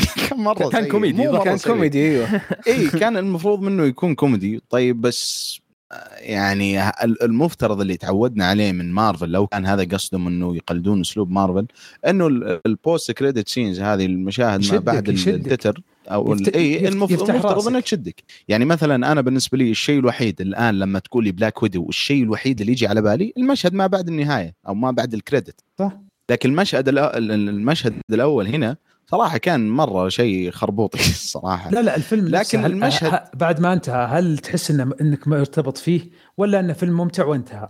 صراحة يعني الإحقاق الحق أعطاني الشعور إنه خلاص هذه قصة مجموعة معينة من الناس وقصتهم انتهت يعني. ما عندي مشكلة الآن لو ينزل الفيلم الثاني الأسبوع الجاي ما عندي مشكلة أروح أشوفه. لكن ما أعطاني شعور إني تعلقت في في القصة وإني أبغى أعرف وش راح يصير. لأنه ترى برضو هذا يرجع ممكن لسبب إنه في في شيء يشرح مثلا وش راح يصير مصير الشخصيات؟ ترى الفيلم يعني شرحوه بكل بساطة. يعني لو مثلا لو لو كانوا مثلا متعودين على أسلوب مارفل كان ممكن الشيء هذا يخلونه مثلا آه، يعلقونك تعليق بنت كلب في الفيلم هذا ويعطونك النهاية المصير الشخصيات أو وش راح يصير لهم بالضبط؟ مثلا على بداية السيكول. بعدين يبدأ الصراع حقهم في الجزء الثاني أو تبدأ القصة حقت الجزء الثاني فهمت؟ لكن حسيت إنه هنا اللي أنا بالنسبة لي قد أعتبره ايجابيه لأنه ما علقت تعليقي لأنه صراحة أحيانا شعور الانتظار ترى مو مرة كويس يعني ما عندي مشكلة أعطيني النهاية حقت شخصيات ولو تزين ال sequel الناس غالبا راح تشوفه فقط لأنه ممتاز مو شرط إنه بالضبط تبغى آه. تكمل على نفس أنا القصة أنا ترى أنا ترى ما أقصد ال post ال credit إنه عشان الأفلام الجاية أنا أتكلم على Suicide Squad الفيلم هذا بعد ما انتهى هل تحس ارتباطك في الشخصيات وفي الفيلم وفي القصة زي أفلام مارفل؟ لا لا يعني أكيد أكيد تحس إنك متحمس أكيد. وتتفكر في الشخصية وش صار لها وكان أداء مرة ممتاز وهذا المفروض يصلح كذا وهذا لا لهذا الفيلم بمجرد ما انتهى قفلته آه انتهت فترة المتعة عندي خلاص بمجرد انتهاء الفيلم بينما أفلام مارفل تقعد فترة طويلة تفكر في الشخصيات مو عشان ال credit عشان الأداء اللي الأسطوري اللي كان في نفس الفيلم. صحيح صحيح. وترى حس هذا الشيء أبو باسل قد يكون بسبب إنه ترى لحد الآن لا زال عالم DC ما هو واضح ومتخبط يعني لحد الآن ما ندري في أفلام باتمان حقت روبرت باتنسون وين راح تكون بال timeline أو أصلا هل راح تكون في عالم ثاني ما له علاقة. يعني إلى الآن أحسهم ما حبوا يمشون أو أو أو يأكدون الشيء هذا بأنهم يزينون نفس الأسلوب حق مارفل آه لأنه ما هم جالسين يعرفون بالضبط وش قاعد يصير في العالم حقهم. لا يعني قد يكون هذا واحد من الأسباب. ازيد أعطيك آه، خبر قاله حسن ما تعطينا خبر عن يعني فيلم باتمان. خبر ترى مو كويس والله اللي هو انهم صلحوا له ال rate حق باتمان. ما أدري إيش عندك خبر يا حسن؟ آه هو ما في شيء رسمي إلى الآن بس إنه في مثل يعني منتجات أو شيء سووها Warner Brothers على أساس إنه القصة تكون 13 يعني PG 13 13 وفوق يعني عمرهم 13 يقدروا يشوفوا يعني فيلم باتمان ما راح يكون في دموية يعني هذا هذا المتوقع إلى الآن بس ما في شيء رسمي يعني ما في بعد ال trailer آه كذا ما غريب آه صراحة. هي بالضبط يعني بعد ما شفنا ال trailer وكذا وتحمسنا يعني آخر شيء تعطونا مقلب هيك صراحة. أيوه يعني صحيح. وبرضه أرى إنه يعني غريبة مع إنه DC متخذة جهة ال R rated خصوصا بعد الجوكر. بدأوا يتجهون أكثر لأفلام الأكثر زائد 18 أكثر من قبل. خصوصا إنها ستاند الون يعني لوحدها بالضبط. يعني إذا Birds of Prey زائد 18 ليش ما يكون فيلم باتمان زائد 18 بس برضو لو تفكر فيها ترى في أفلام باتمان يعني الثلاثية ثلاثية باتمان ما كانت زائد 18 ما كانت ال R rated صحيح. بس برضه ترى لو تفكرون يعني من من منظور ثاني طبعا المخرج من إخراج الفنان الخرافي جدا مات ريفز. اللي تتذكرون يعني مثلا اللي شاف ثلاثية Planet of the Apes حقته الجديدة هذه ترى كانت فيها دمويه وكان فيها صراعات مع إنه كان الفيلم PG 13 أو ممكن ما قد يعني ما تكون في دموية مثلا زي ما شفنا في سوسايد سكواد لكن برضو هذا ما قلل ابدا من مشاهد العنف اللي في الفيلم. ف ممكن. صراحة شوي بالنسبة لي أنا خبر مخيب للامال مع إني والله ماني ماني متوقع صراحة شيء كبير يعني من روبرت باتسون يعني مع لا لا حتى مع وجود ما صراحة. لا لا فعلا دي سي ترى مخططين يعني أنت ما أنت عارف الحين هم بيمشون على نفس السوسايد سكواد وباتمان حق بين أفلك ولا الفيلم اللي يتكلمون عنه مات ريفز ولا الجوكر آه، اللي شفنا الفيلم اللي عام 2019 اللي كان أسطورة. ترى كل واحد له عالمه ما هي مترابطة فما أدري كيف هم شغالين يعني. حتى أبغى أقول شيء ترى ما أنا ابدا ما أستبعد إنه الفيلم الثاني حق ال Suicide Squad هذا يعني عادي بالراحة يكون ترى بعد أربع سنوات خمس سنوات. يعني أنا يعني أحب أقول للناس لا تتحمسون بزيادة ممكن الفيلم ياخذ وقته لا لا ازيدك من الشعر بيت تصدق إن بن أفلك مش صور مشاهد في آه، فيلم The Flash؟ يعني باقي شخصية آه، باتمان مع يا أخي كيف كيف؟ يا أخي ما يصير الحوسة شكل صراحة. شكل دي سي ذولا كل دور يشتغل ما هو نفس الدور اللي معه في نفس المبنى. ما هم دايرين كل دور لانها شركة واحدة كل واحد يشتغل في جهة ما هو داري على الثاني. صحيح. واللي ترى يعني الشيء هذا بحد ذاته ما هو شيء سيء ولكن الأسلوب اللي جا اللي أفلامهم جالسة تحاول تطرحه جالسين يحاولون يمشون على نفس النهج حق مارفل. بينما لو تشوف أفلامهم الثانية مختلفة جدا. يعني زي ما ذكرنا الأفلام حقت روبرت باتسون أو مات ريفز يعني راح تمشي بمسار معين. شخصية The Flash بحكم إنه راح يكون في ال time travel يعني وأشياء زي كذا وقد أصلا يظهر فيه شخصية باتمان أكثر من شخصية. ومع موجود بن افليك اللي بنفس العالم حق شخصية The Flash و... وفيلم أصلا Birds of Prey اللي ما يحتاج تتفرج عليه عشان تشوف الفيلم هذا Suicide Squad أو The Suicide Squad 2021 صراحة وضعهم حوسة واللي لو كانوا فعلا جالسين يحاولون يصنعون ال DCU ما أدري صراحة ما هي جالسة تضبط معهم. أنا جالس أنبسط في أفلامهم زي The Suicide Squad وزي Snyder Cut بس فكره العالم السينمائي معهم ما, ما هي ظابطة مرة. مع إنه المفروض إنه الأول يكون متعلق بالعالم السينمائي حقهم. الأول الفيلم الأول اللي كان إيه الفيلم الأول حطوه للنسيان يعني خلاص. اي هو الفيلم الأول كان ترى مكمل لاحداث صحيح كان باتمان موجود فيه. اي أحداث شو اسمه لا باتمان ضد سوبرمان Dawn of Justice يعني حتى صحيح. شخصية باتمان طلع في كم مشهد و وسوبرمان تمت إيه. له اي صحيح. أتوقع إنه لمحوا عن نهايته أو الشيء اللي صار له في في Dawn of Justice صحيح. فوضعهم صراحة غريب يعني. عندي نقطة بعلق عليها آه، حقت أبو باسل تعلق الشخصيات، أتوقع السبب آه، لأن ما في أفلام يعني مثلا لو أقول لك أفلام مارفل إذا رحت شفت أفلام Iron Man الأولى ما ما تتعلق فيها. بس إذا رحت مثلا لل Avengers وكذا إيه لأنك أنت مريت في أفلام عشت فيها. هنا مشكلة دي سي تخبط. بس لو في سلسلة آه، اللي هي Suicide Squad مثلا هذا الجزء الرابع مثلا إيه راح تتعلق معها. عشان كذا أنت متعلق في باتمان لأن في سلسلة كثيرة لافلام باتمان سوبرمان آه هذا عيب دي سي. آه كل فيلم في الحين آه زاك سنايدر له أشياء عالم خاص. آه الحين جيمس غان ما في شيء.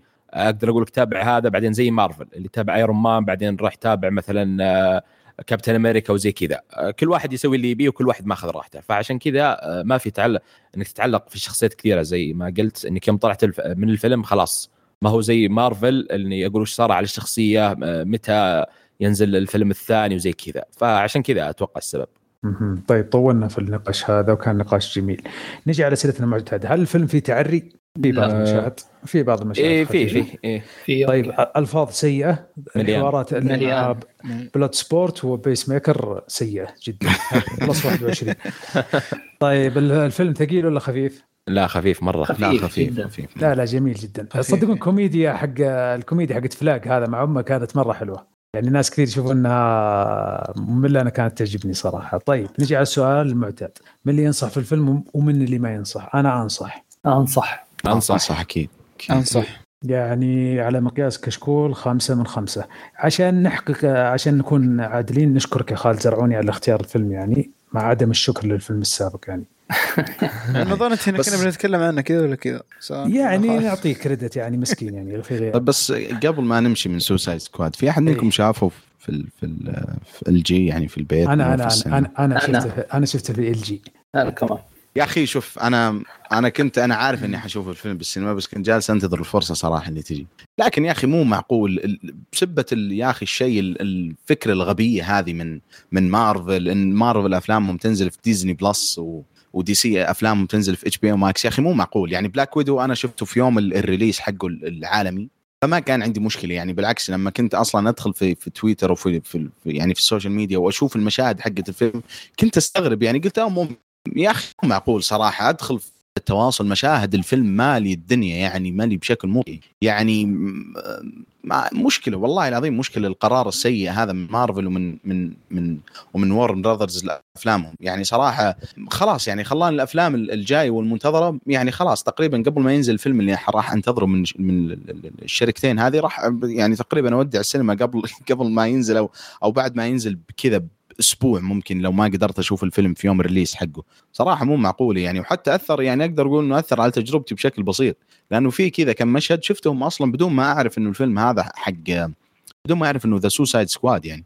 فبالنسبة لي هذا أعتبره يعني أثر على الصناعة. حتى لو تذكرون الحلقة الماضية لما الشباب تكلموا عن موضوع عن موضوع القضية اللي بين سكارلت جوهانسون وبين ديزني على إنهم حتى كيف حتى ايما ستون صحيح ايما ستون على Cruella لانهم يبغون فلوس عندهم نسبة من السينما لما تعرضها في ال streaming service آه، ما عاد راح يحضر السينما. طيب الحين الموب المفروض الممثلين يعرفون ويقولون okay ركز في العقد إنه برضو الأفلام آه شوف streaming service إنه ينزل في نفس وقت السينما هذه جديدة.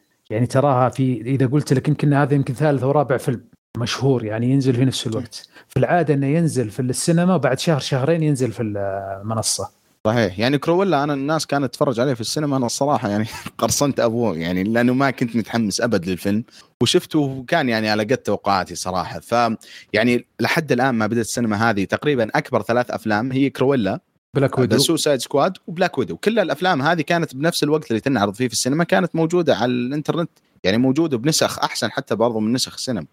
فصراحة يعني هو قد يكون قرار ممتاز. يعني لو الشيء هذا كان موجود عندنا في السعودية قبل ثلاث سنوات أربع سنوات بيكون شيء خرافي. آه، لأنه قبل ما تكون عندنا السينما بس الآن صراحة صحيح. يوم جتنا قاموا يعني يحطونها في نفس اليوم.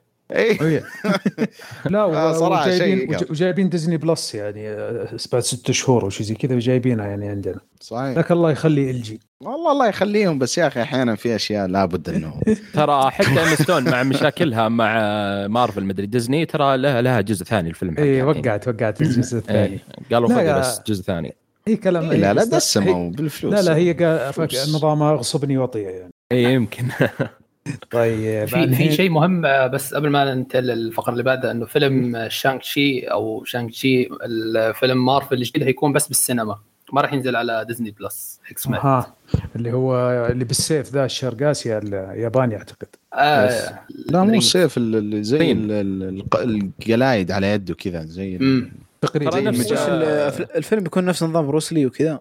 ولا إيش السالفة؟ لا هو super hero عبارة عن يعني اللي شفته من ال trailer في السينما الصراحة ال trailer ما يبشر بالخير أبد. بس إنه عن واحد المفترض إنه يكون وريث سلالة عائلته من من الناس اللي يلبسون هذا السلاح السري يعني زي زي زي السود حقت وش اسمه Black Panther بس إنه يسحب عليهم وطبعا صراع مع عائلته في النهاية راح يلبس الشيء هذا اللي هو زي زي عرفت المجاول اللي حقات الحريم الكبار عندنا في السعودية هذه؟ زي تقريبا بس إنه عندها قوة خارقة. كليشيات اللي قاعد اسمعه إي شكله هو مرة يعني متواضع الصراحة. شكله filler ولا شيء يعني بالقصة. لا هم يبغون يصلحون super hero من شرق آسيا فهذا لا. آه بالضبط. آه صح. يعني يعني عندهم آه، Moana ذيك وعندهم الحين هذا رجال كان خلوا بس, بس آه، ذاك Hawk يقعد هناك وأحسن. صراحة يكون أفضل كفيلم. يعني يوم شفناه في Endgame في شرق آسيا كان رهيب. إيش كان بس؟ هذا معليش المعذره آه Hawkeye Hawkeye ما آه Hawkeye آه okay. إيه لا بس برضه طيب. ترى يعني في شيء ممكن الفيلم أتوقع من إخراج جيمس وان ولا؟ مو ما أدري والله. يعني إذا من إخراجه فعلا فهو شيء يحمس إذا ما كان كذا فنقول لا تحرصون على الفيلم واجد يعني. حلو حلو. آه أنهينا ما كل ما يتعلق ب Suicide Squad بنقرأ التعليقات وبعد التعليقات بنحرق فيلم Suicide Squad. فاللي شاف الفيلم يبغى يسمع الحرق بعد شوي راح نتكلم عن حرق في الفيلم. آه، في تعليقات يا ركان؟ اي نعم في تعليق على الموقع من آه، محمد يقول السلام عليكم. آه، أنا بديت بأفلام مارفل من Avengers الأول لآخر شيء بس ما شفت الأفلام اللي قبله. وش تنصحوني أشوف من الأفلام اللي قبل Avengers الأول بحيث أقدر أفهم الأحداث الجاية؟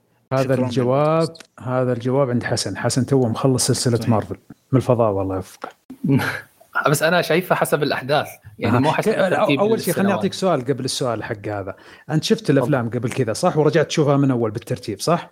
آه في أفلام ما شفتها وفي أفلام شفتها. طيب يعني كيف, كيف كيف كانت تجربتك؟ متحمس ولا آه، يعني ما أضافت لك شيء؟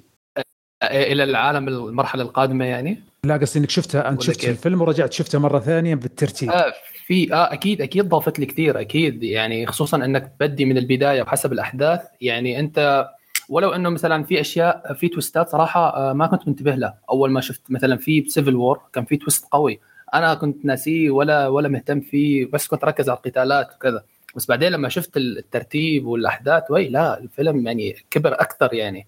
تحسه قدرته أكثر يعني. خصوصا حتى في أفلام مثل Doctor Strange و وشو اسمه و Ragnarok. لا Ragnarok ما شفته. بس Doctor Strange شفته ورجعت شفته مرة ثانية. حتى Infinity War و Avengers Endgame و Age of Ultron كلهم يعني كبروا كبروا أكثر يعني بعيني صراحة. فنصيحة طيب. للأخ اللي بده يشوف الهي شوفه من بداية يعني شوفه من البداية خلاص. التزم يا إما تلتزم بالترتيب اللي نزلته مارفل أو إذا بدك شوف الترتيب الأحداث يعني. لا يقول هو يشوف إنه هو قد شاف الأفلام كلها بس من Avengers الأول وفوق. اللي قبل اللي نزلت قبل Avengers ما شافها اللي هي Iron Man الأول والثاني و Captain America و Thor. اللي أشوفها كلها أفلام حلوة أو يعني مهمة هو شوف العالم. شوف أنا أقول لك حاجة في في طريقتين تشوفها يا تشوفها نفس التسلسل الزمني اللي نزلته مارفل أو حسن محمد منزل في اليوتيوب في قناته تسلسل الزمني حق الفيلم مش حق الشركة. يعني فيلم كابتن أمريكا الظاهر ثالث أو رابع فيلم. هو شافها أول واحد. اول شفته أول واحد. امم أول واحد. زي لا المفروض كابتن مارفل أول واحد. لا, لا كابتن, كابتن مارفل, مارفل الثاني. مم. Captain America أول لأنه في السبعينات أو في أيوة أو حتى الحرب العالمية الأولى أيوه في الحرب العالمية الأولى أو الثانية. وبعدها Captain Marvel. زي كذا. يا تاخذ التسلسل اللي مصلحه حسن في اليوتيوب عنده اللي هو التسلسل التاريخي في العالم أو تشوفه اللي هو التسلسل التاريخي اللي نزلته مارفل اللي هو بدءا تقريبا من Iron Man 2008 وورا. يعني حتى Incredible Hulk اللي قبله ما هو مهم. هو بس تعريف على الشخصية يعني لو سحبت عليه عادي. لأنه تغير الممثل ف آه تغير. اي أصلا هذا ما شفته أصلا. في حياتي كلها ما شفته. أيوه كان إدوارد نورتون وسفلو اخذوا مارك رافلو بس في طيب. شخصية من الفيلم طلعت بعدين ب Civil War زي شخصية عادية يعني ما مو مهم إنك تعرف من وين طلعت. طيب آه، في أسئلة ثانية ركان ولا؟ لا بس هذه التعليقات. طيب هذه كانت حلقتنا رقم 254 الآن بنحرق فيلم Suicide Squad بنتكلم عن أشياء اللي ما شاف الفيلم لا يسمع الحرق ويشوف الفيلم ويرجع يسمع الحرق. راح نبدأ الآن. طيب من اللي يبغى يبدأ يا شباب يحرق في الفيلم؟ ولا أبدأ أنا؟ أه ما أدري إذا تبون نحرق من كذا البداية ولا نقاط لا لا لا يعني أنا ببدأ لكم. أول شيء إيش رأيكم في سبونج بوب ال villain؟ هنا هنا يعني بالله إيش رأيكم؟ هو يمشي كذا؟ أتذكر سبونج بوب. هنا متعة الفيلم. يعني كيف يجيب لك كذا شرير شاطح كذا نجمه نجمة البحر. أنا ما اراه شرير اراه مخلوق وهذا وظيفته. كأنك تقول أسد. كأنك تقول أسد. الأسد طبيعي يأكل الإنسان بس مو بشر إنه قاعد يسوي كذا. جابوه من الفضاء ويقولون اشبك علينا؟ طب أنت اللي جبته. اي حتى اليوم قبل ما يموت يعني. أنا كنت مسالم وأنتم اللي جبتوني يعني. ف لا وقال جملة يعني رائعة صراحة. قبلت إني كنت مستمتع أكثر يوم كنت أشوف النجوم اللي في الفضاء. كانت جملة رهيبة صراحة. طيب ولا villain اللي هذا مركب في راسه دبابيس؟ الله ما غباها كان غبي جدا. هذا villain أصلا؟ مو villain مساعد. مساعد. في الفيلم يعني. إيه؟ آه هو ما أعطوه حقه ترى بالفيلم. هو Thinker آه كان يعني جابوه كذا يعني شيء بسيط يعني ولا في ال comic هذه هذه سلبية يعني. آه اي بس آه. لا لا أجل خلاص والله والله والله مسكك والله صادق.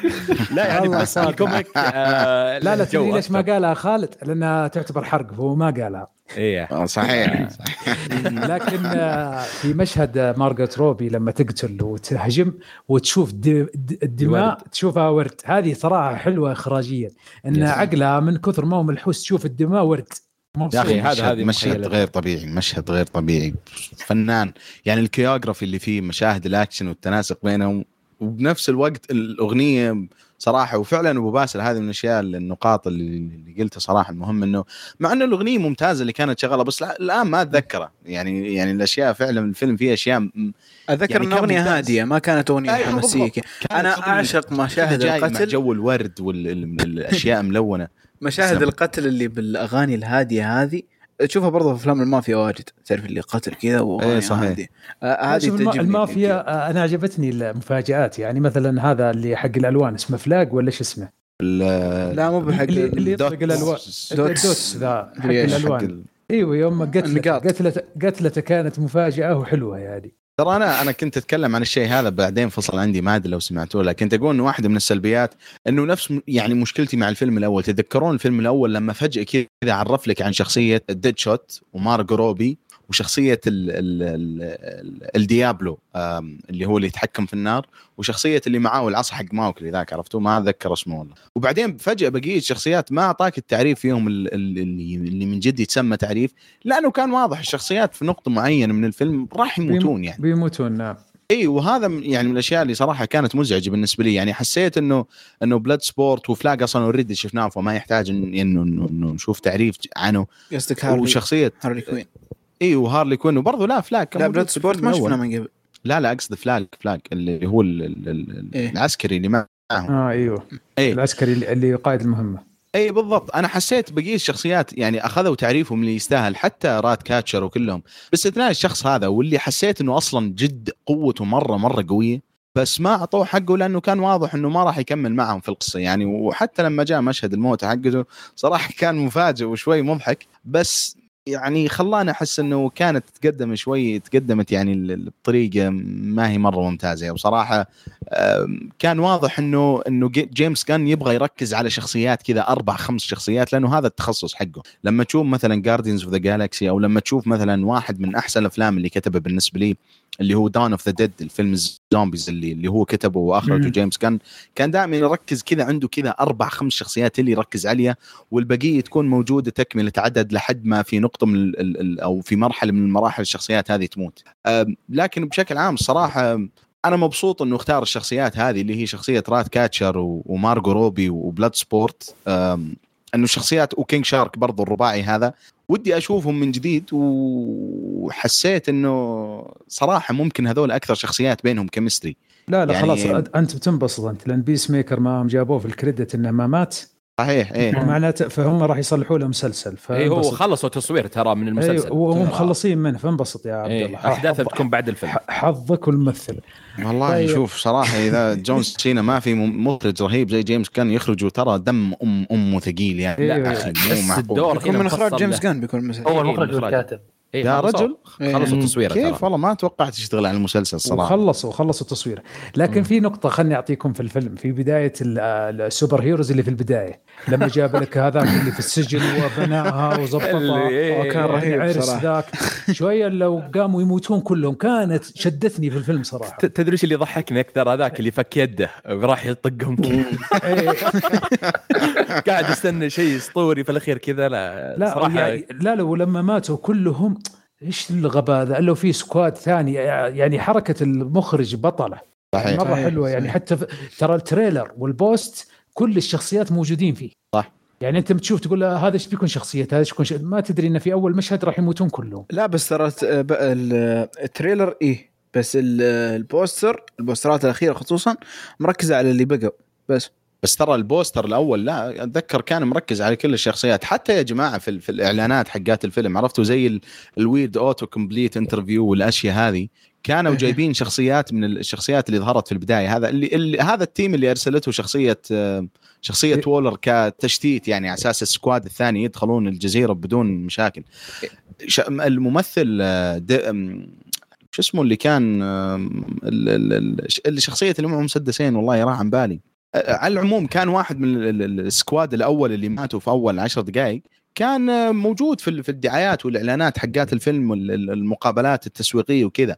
فمن جد أعطاني شعور إنه خلاص أنا أنا داخل الفيلم على أساس السكواد مرة كبير وزي الجزء الأول كذا وكان واضح إنه راح تشوف اللي هو الممثل بيت دافيدسون. ترى كان موجود في المقابلات حقات الفيلم. برضو حتى لما تشوف الممثلين الثانيين زي شخصية اللي تذكرون أول شخصية طلع في الفيلم آه، شخصية هذاك اللي شايب اللي شعره أبيض طويل اي توقعت وشخص... بتنبني عليها إيه أشياء شخصيه ال possum هذا ما أدري اسمه الحيوان اللي بس باقي حي ممكن يجيك بعدين. اي بالضبط. لكن لا أنا أقصد الخدعة اللي أعطاك إياها في بداية الفيلم. ترى هذول كلهم هذول ممثلين متعودين يطلعون مع مع جيمس جان كلهم موجودين في كل افلامه تقريبا.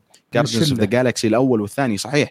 فلما جابهم هنا يا أخي على طول كذا انهالك الشخصيات بس كانوا كتشتيت لل squad الثاني كانت فكرة خرافية.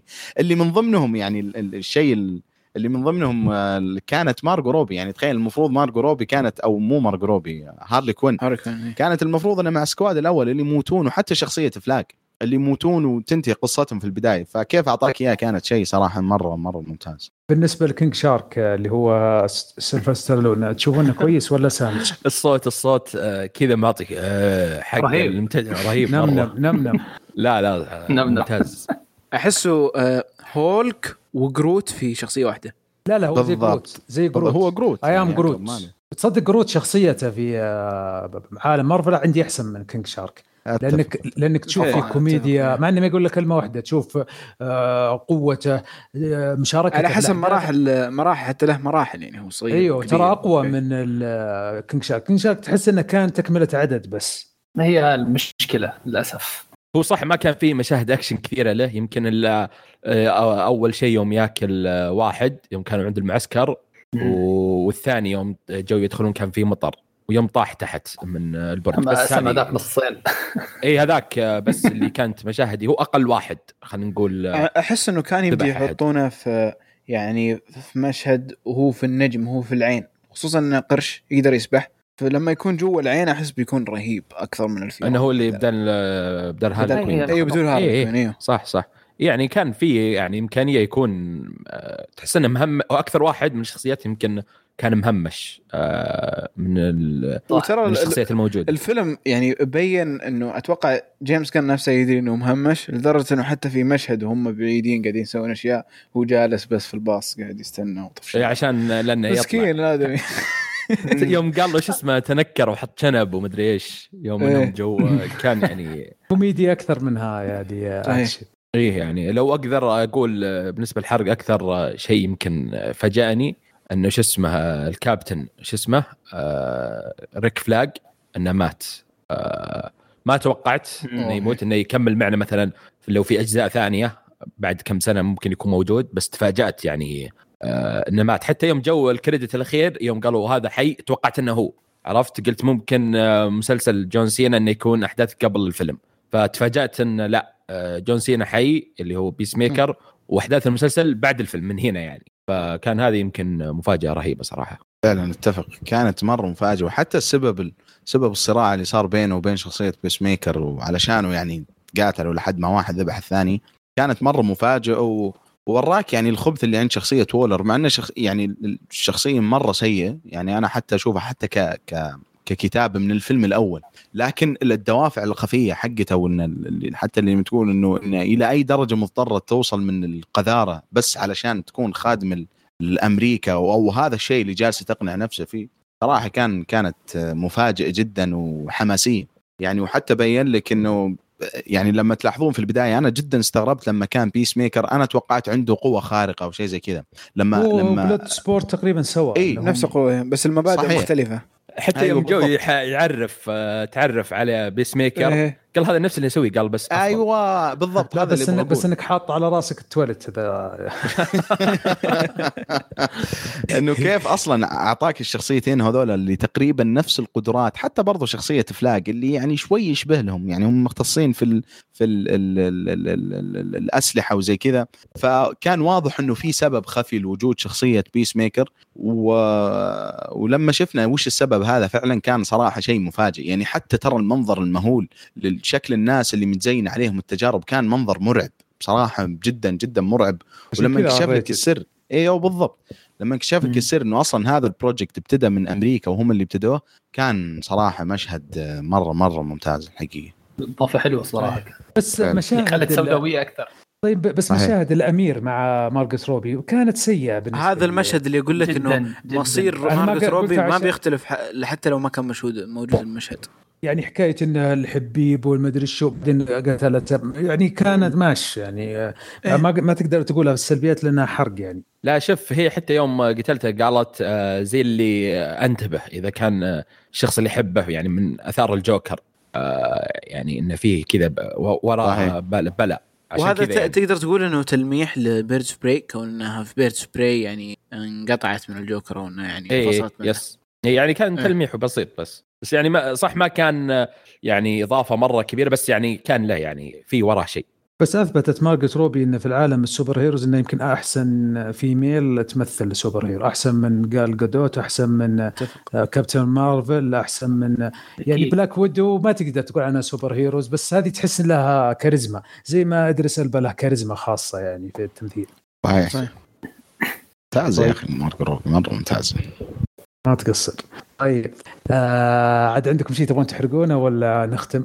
آه بس عندي لقطة حقت اللي هو الويزل بعد ال credit الأولى يوم طلع إنه ما مات. هل تتوقعون لو في أفلام مستقبل تطلع ولا بس آه كذا يعني كموقف كوميدي يعني؟ لو من إخراج جيمس جان ممكن يطلعه صراحة. ممكن أما ممكن مخرج ثاني ما أتوقع يهتم بالشخصية.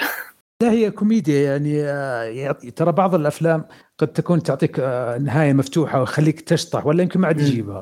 أو ممكن يجيبها بعدين في فيلم كذا من وراء ال trailers عرفت يعني؟ صحيح صحيح ممكن. يجيك معدي كذا ولا يأكل هو جيعان آه من ورا. تقعد تضحك يعني. عاد المشكلة تهمة يأكل أطفال يعني ذابح 27 طفل فالله يستر. كوميديا. سوداء. لا الفيلم صراحة كان ممتع يعني يستاهل إنه ينشاف وجميل جدا و بس آه، عندي سؤال آه، للناس اللي حبوه اليوم عبد الله وخالد هل برأيكم هو أفضل من جاستس ليج زاك سنايدر جاستس ليج؟ آه أحس صعب صعب المقارنة. اي أقارن فيلم موجود فيه باتمان وسوبرمان وفلاش. هذا هذاك ثقيل. ما ما في كوميديا ذاك. اي بالضبط. لا أصلا أنا بالنسبة لي بغض النظر أنا قصدي من فيلم باتمان؟ وجود باتمان في أي فيلم يعطيه advantage غير طبيعي فصعب أقارنه في شخصيات. أتفق. يعني صعب مشكلة صعب الصراحة. مشكلة Suicide Squad إن كل الشخصيات ربش عرفت؟ يعني بالنسبة للشخصيات الأساسية حقت DC صح. بس صحيح. آه، المشكلة أنا اللي يعني اللي صدمني إنه خالد وعبد الله يمكن أعطوه 10 الاثنين إيه يعني معقول؟ حتى لو أقارن مقطعك يا عبد الله لو أقارن مثلا Suicide Squad تقول لي ولا مثلا Guardians of the Galaxy تعرف مغامرة شخصيات غبية كوميديا إيه هنا أقدر أقارن لك بس شيء جدي ما أقدر أقارن لأن المنظور مختلف. صح أنا يمكن Justice League ما أقول 10 من 10 يمكن أقول تسعة ولا ثمانية وهنا أقول عشرة من عشرة مم. بس هذا ما يعني إن Justice League أسوأ من Suicide Squad هو أفضل يعني في الجارنا حقته اللي هي أكشن وسوداوية و Justice League مقارنة في أفلام مثلا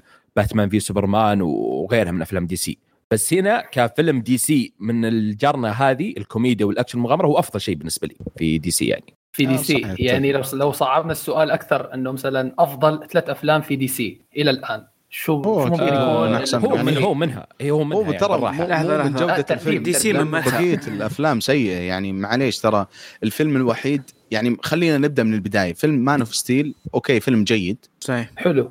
فيلم Dawn of Justice يعني قمامة بالنسبة لي الصراحة. الفيلم اللي بعده Suicide Squad كلهم يعني يعني قمامة يعني غير قابل للمشاهدة. حلو. أنا Wonder Woman الأول هو أنا ماشي عليها بالترتيب يعني من ال release.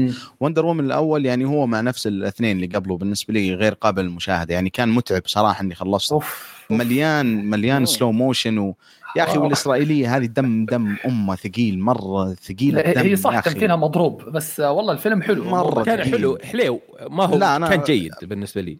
لا لا أتفهم أتفهم. يعني الفيلم ممكن يعطيك الطابع هذا حق يعني فيلم superhero classic عرفت؟ الفيلم أيوه, أيوة بالضبط. كابتن أمريكا الأول تقريبا. أيوه مع ان ترى يعني أنا بالنسبة لي أشوفه مو بعيد عن كابتن أمريكا الأول يعني كجودة فيلم يعني كلها أفلام ما يعني ما هي ما أنا ما جزت لي مرة الصراحة. بس ترى لكن بس ترى لو تقارن كل الأفلام اللي قلتها بين ثلاثية نولان والجوكر لعام 2019 الأربعة ذي أفضل من آه، اللي قلتها كان حقت السلسلة صحيح. لا لا إحنا نحكي DCU العالم نتكلم عن ال DC U آه. لا لا هذه يعني يعني متوسطة. يعني بالنسبة ل Justice League Snyder Cut ممتازة. Suicide Squad هذا ممتاز. Wonder Woman أعتقد الجزء الأول ما شفت الجزء الثاني لا بأس فيه. آه ما ندري عن فلاش الجاي.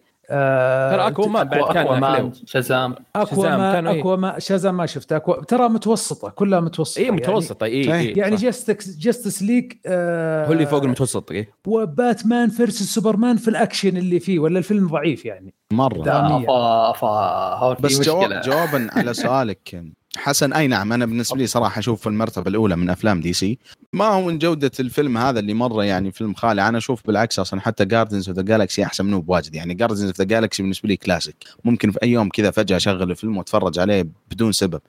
ممكن الفيلم هذا وبرضه ال extended version حقت Justice League حقت زاك سنايدر ما أدري ممكن الثالث قد يكون سوبرمان الأول أو قد يكون والله Shazam ممكن Shazam لأنه كان كذا كذا دمه خفيف وفيلم عن أطفال superheroes و يعني انت بتميل للكوميديا أكثر من السوداوية والجدية. لا, لا والله ما أميل للكوميديا لأن السوداوية حق ال DC معطوبة يعني.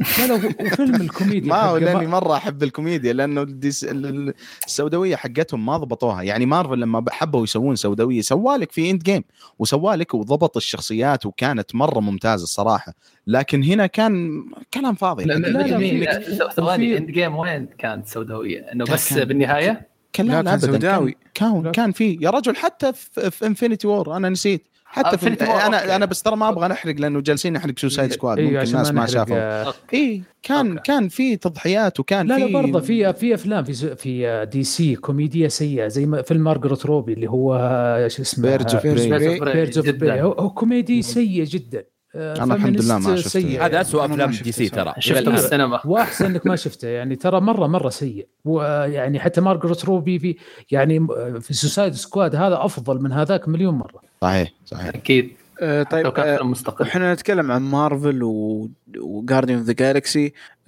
أبغى أرجع شوية ل The Suicide Squad. الآن إحنا نشوف إنه الفيلم هذا ما هو متعلق بال... بال... بال... بال... بالعالم اللي كنا نشوفه من من أفلام DC الثانية صح؟ صح آه فأنا أشوف إنه ممكن بعدين يرتبط لأنه أصلا Guardians of the Galaxy يوم جاء ما كان جاي على أساس إنه مكمل للسلسله جاء على أساس إنه منفصل في البدايات لا لا ابدا لا لا اختلف معاك لا. ركان ترى ترى على. فكرة ركان أول فيلم تم ذكر فيه ال Infinity Stones بشكل عام. ال Infinity Stones ما هو stone واحد لأنه اللي نعرف إنه ال- ال- ال- ال- ال space ال- حقة ال- ال- ال space ال- ال stone هي أول مرة انذكرت كان في فيلم Avengers الأول. هي أصلا ال- اللي كانت مع مع لوكي اللي كانت في العصا أيوة. حقه بس هذه طبيعي إنها تكون متعلقة في بعض لو تفاصيل صحيح. قليله صحيح. بس- لكن ال Infinity Stones اللي اللي اللي Infinity War ومستقبل العالم بشكل عام مرتبط فيه كانت أول من ذك... أول مرة تم ذكره في Guardians of the Galaxy حتى تتذكر ال- ال post credit scene حق Guardians of the Galaxy ترى هو يعني أول شيء هو أول فيلم فيه كان- ثانوس. فعلا كان في ثانوس يعني يعتبر ك... كشخصية موجودة لأنه قد ظهر في نهاية Avengers الأول. الأول. أيوه. إيه، بس لا إحنا نفكر في, في يعني أنا أقصد يعني ما كأنك تقول إنه فيلم The Suicide ما في له علاقة ب ب Suicide Squad الأول اللي له علاقة بال... بال... بالعالم لا. السينمائي. في لا في لا- لها تلميحات. علاقه لها علاقة وتلميحات. مثلا زي في. فيولا ديفيس موجودة في هذه وإنها هي اللي تصلح Squad ذي. سالفة ال Bloodsport إنها أطلق على سوبرمان. سوبرمان اللي في Justice League ترى يقصدون صحيح. وسالفة برضو في, في ربط بس ما ربط يعني آه، أبسط. منفصل. يعني تقدر تخلي الفيلم هذا منفصل بالكامل وتقدر بعدين تربط صحيح. برضو كون هارلي. كوين تعرف الشخصيات أصلا من قبل. لأنك إذا شفت آه، Snyder Cut فيه الجوكر. اللي ما اللي جاء في. Suicide Squad الأول صحيح اللي. مارجو روبي صح. الحين تتكلم عنه لما قتلت الأمير ال- اللي في الجزيرة ذا في ربط ترى إيه في صحيح ربط حتى تذكرون مارجو روبي كانت مرة زعلانة لأنه شخصية اللي هو صديقه كان اللي مو عصا ماوغلي هذا اللي كان موجود في الجزء الأول. ذكرتوه؟ مم. اي إيه. اي كان موجود في الفيلم هذا برضه يعني ظهر ظهور بسيط فأنا أنا شخصيا على أساس أختصر النقطة هذه أنا لو مثلا أحد يعني سألني قال هل تنصح إني أشوف ال Suicide Squad الأول 2016 قبل الفيلم هذا؟